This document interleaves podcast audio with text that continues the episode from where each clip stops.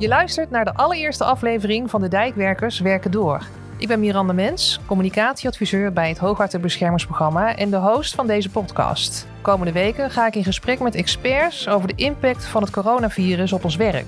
Want hoe ga je om met participatie en markt- en aanbesteding tijdens corona?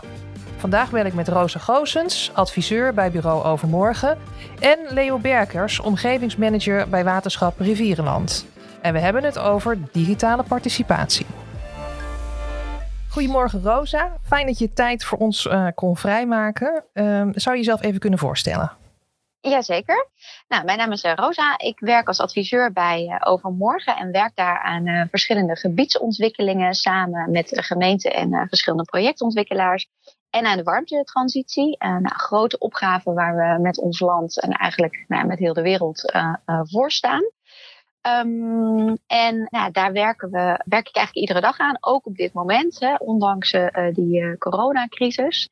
Vanuit huis, uh, met een peuter, schilders voor de deur. Dus nou, alles, alles gaat gelukkig wel door. Dat is natuurlijk heel positief, maar af en toe, net als velen waarschijnlijk, ook van de luisteraars, af en toe een beetje behelpen.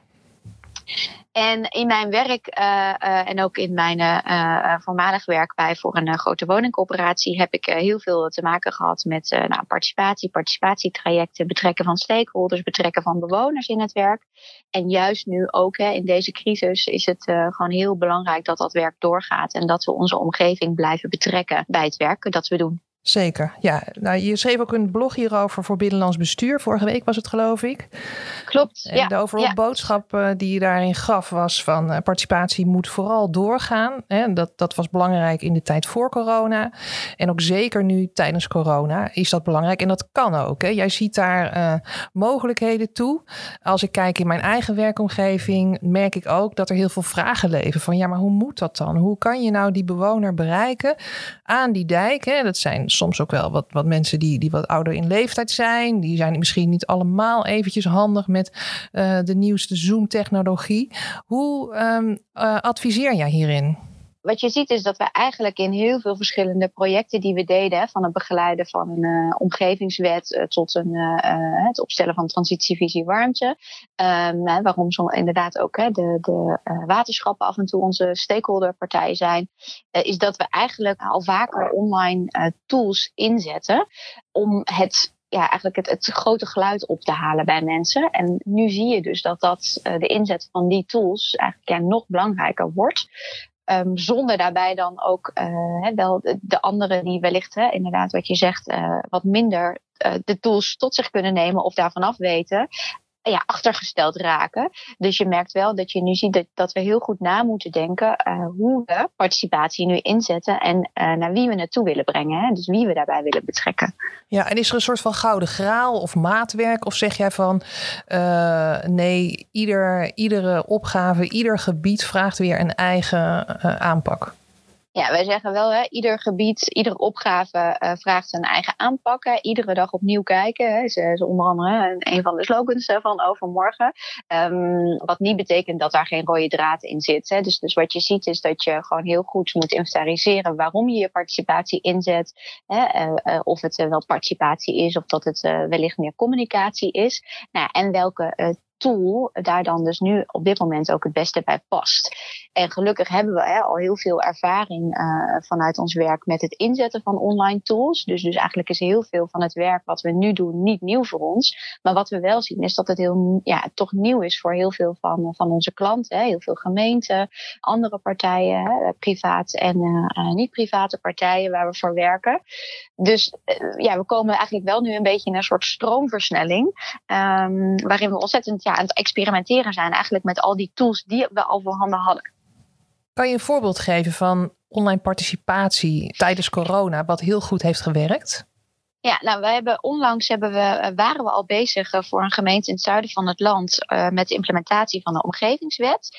En nou, daar wilden wij een groot aantal bijeenkomsten organiseren, bewoners daarbij betrekken, de, de stad door met een soort busje, hè, zodat je hen op de, nou, de plekken waar zij zich begeven ook van informatie voorziet. En daar is nu echt inderdaad een alternatief voor in het leven geroepen. We hebben iedere inwoner daar een aanzichtkaart gestuurd met eigenlijk de basisinformatie over de implementatie van die omgevingswet en de link naar een, website die is gemaakt. En op die website kunnen mensen stellingen invullen, ze kunnen een online enquête invullen. En zien daarbij ook meteen eigenlijk de resultaten van zichzelf, maar ook ja, van alle anderen uh, in hun gemeente, die ook die enquête hebben ingevuld.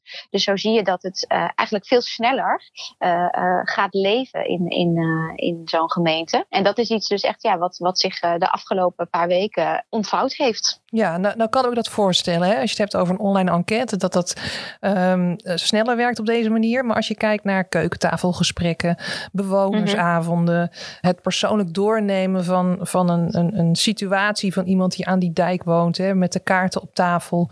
Hoe vertaal je dat nou uh, online? Ja, nou wat we, wat we ook gedaan hebben is, uh, is bijvoorbeeld um, hè, dat je wel uh, online uh, presentaties maakt. die, die kun je dan ook via een link, middels een nieuwsbrief of iets anders, delen met, met bijvoorbeeld die mensen. En daarna kun je eigenlijk een interactief gesprek wel faciliteren. Dat kun je bijvoorbeeld met tools als Zoom, kun je dat doen met een man of vijf. Hè. Dus daar kun je eigenlijk ja, zoals het ware een gespreksleider opzetten die dan alsnog wel het verdiepende gesprek met bijvoorbeeld vijf verschillende personen uh, kan aangaan. Maar je kunt ook ervoor kiezen dat mensen na het zien van zo'n presentatie bijvoorbeeld aangeven dat ze een, uh, een telefonisch consult willen. En dus dan zou je alsnog eigenlijk die keukentafelgesprekken kunnen voeren, maar dan één, één op één. Uh, alleen dan niet letterlijk aan de keukentafel, maar dan allebei aan je eigen keukentafel. En Rosa, hoe voorkom je dan als je dat telefonisch doet of op afstand via de computer, hoe voorkom je dan dat je, dat je toch belangrijke non-verbale signalen mist? Hè? Bepaalde emoties die ook wel heel belangrijk zijn. Ja, daar zit natuurlijk wel het spanningsveld. Hè. Dus of je dat helemaal 100% voorkomt, weet ik niet. Maar wat denk ik gewoon heel belangrijk is, hè, wat we ook natuurlijk in dat blog uiten, is dat, het gewoon, dat we met elkaar in gesprek moeten blijven. Um, en ik denk dat dat op dit moment uh, uh, nou, even belangrijker is dan dat we 100% alle signalen uit zo'n gesprek halen. Ja. Met welke valkuilen moeten wij eh, als dijkwerkers rekening houden als wij online gaan participeren?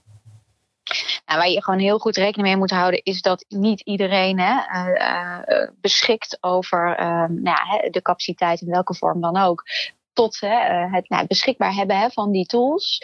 Uh, of daaraan deel kunnen nemen. En, en dat is denk ik wel dat je ervoor moet zorgen dat de basisinformatie, hè, die, je, die je bijvoorbeeld in een bewonersavond of bijeenkomst of inloopbijeenkomst had overgebracht anders, dat je wel ervoor zorgt dat die opschrift of in een uh, filmpje of het liefst beide alsnog wel overgebracht wordt. Dus ik denk dat de ja, zogenaamde middelenmix, hè, dus echt de mix maken van online en offline communicatie eigenlijk in deze.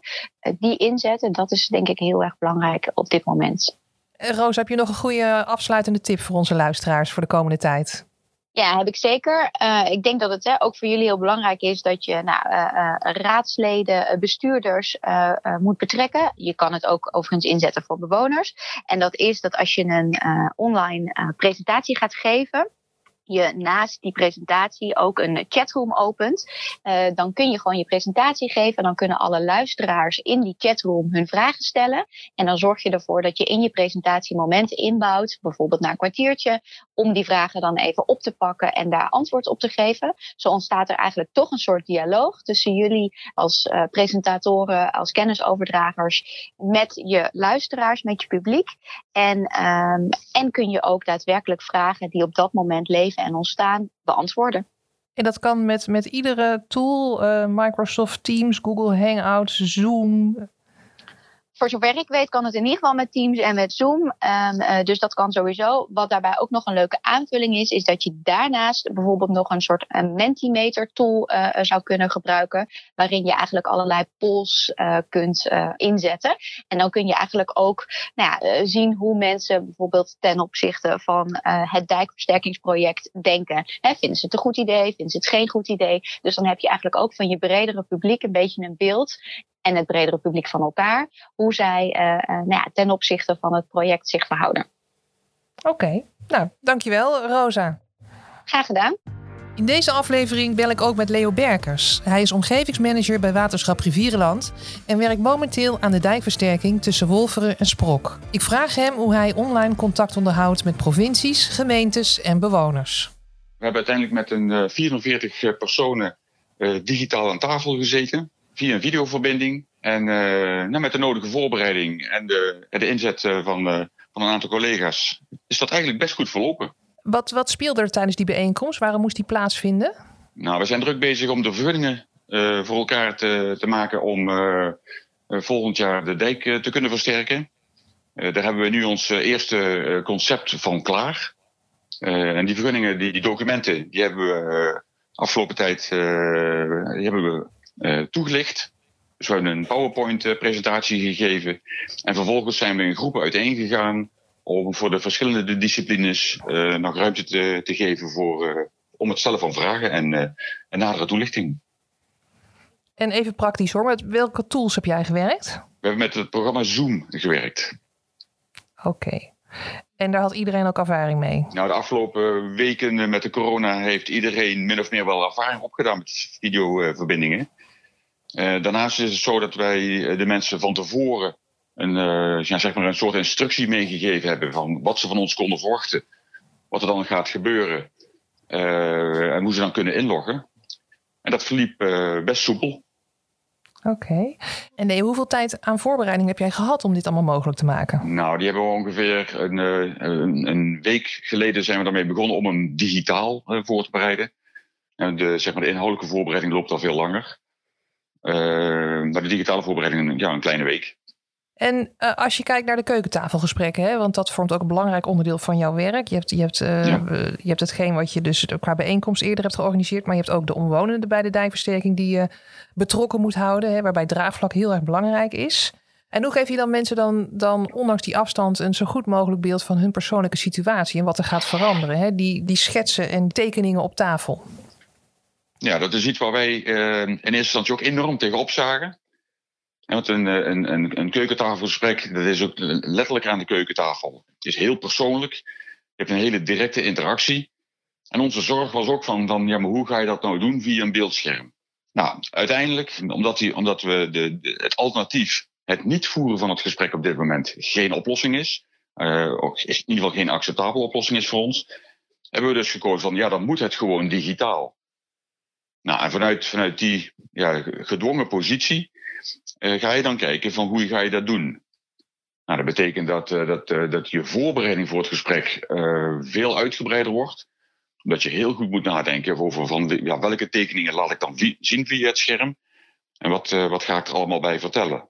Uiteindelijk is het dan zo dat het wel doorgaan van, van het gesprek ook voor de, voor de bewoner waar je het gesprek mee hebt enorm gewaardeerd wordt. De, de, dat, dat, dat de, de, de vraag naar het krijgen van die informatie ook daadwerkelijk uh, plaatsvindt. En dan, uh, ja, dan blijkt in de praktijk dat zo'n uh, zo'n gesprek, zonder dat je elkaar, ja, zonder dat je bij elkaar aan tafel zit, toch voor een heel groot deel best heel goed kan verlopen. Ja, ja. maar je gaf eerder ook al aan, het, het betekent wel veel extra werk, hè? Voor jou. Ja. Ja, ja. ja, je moet je realiseren dat normaal als je in zo'n keukentafelgesprek bent, je hebt je tas bij, daar zit een stapel tekeningen in. En uh, nagelang uh, ja, de, de, het gesprek vordert uh, en er vragen zijn, trek je een tekening uit je tas en die leg je op tafel. digitaal moet je die tas dan ook voorbereid hebben. Dan, en dan moet je ook goed gaan nadenken van hoe laat ik iets zien. even je vinger op papier en, en ergens een cirkeltje omheen trekken. En de mensen aankijken en vragen van kunt u mij volgen? is digitaal gewoon anders. Ja. Dus dat betekent ook dat je tijdens een digitaal gesprek ook regelmatig de, de, de, de voor de hand liggende vraag moet stellen van uh, kunt u me nog volgen? Eh, snapt u het nog? Uh, nou, dat, dat soort zaken. Terwijl je in een, in een live gesprek, om het zo maar te zeggen, dan heb je oogcontact. En dan zie je ook aan de mensen, aan, aan hun houding, aan, aan hoe ze, van, van, van, zijn ze er nog bij? Of hebben ze een vraag? Het, het optillen van een wenkbrauw uh, zegt al heel veel bewezen van. Nou, digitaal wordt dat een stuk moeilijker. Ja, precies. En Leo, wat zou je andere collega-omgevingsmanagers uh, willen meegeven? Nou, zelfs al zou het qua tijd geen echte must zijn om het, uh, om het te doen, zou ik ze adviseren om dat toch, toch nu wel te doen. Dus het gewoon te omarmen. Het online gaan bedoel je? Ja, ja. Dus, dus, dus, dus niet vanuit de reactie van, van uh, nou, dat, dat het een probleem is, maar uh, vanuit, uh, vanuit het standpunt dat het een kans is. om het, om op, dit manier, op, op dit moment op die manier te doen. Dus gewoon doen. Je hoorde Rosa Goossens en Leo Berkers over de do's en don'ts in digitale participatie en omgevingsmanagement tijdens corona. Wil je reageren? Praat dan mee via hashtag Dijkwerkerspodcast of stuur je reactie naar podcast.hoogwaterbescherming.nl.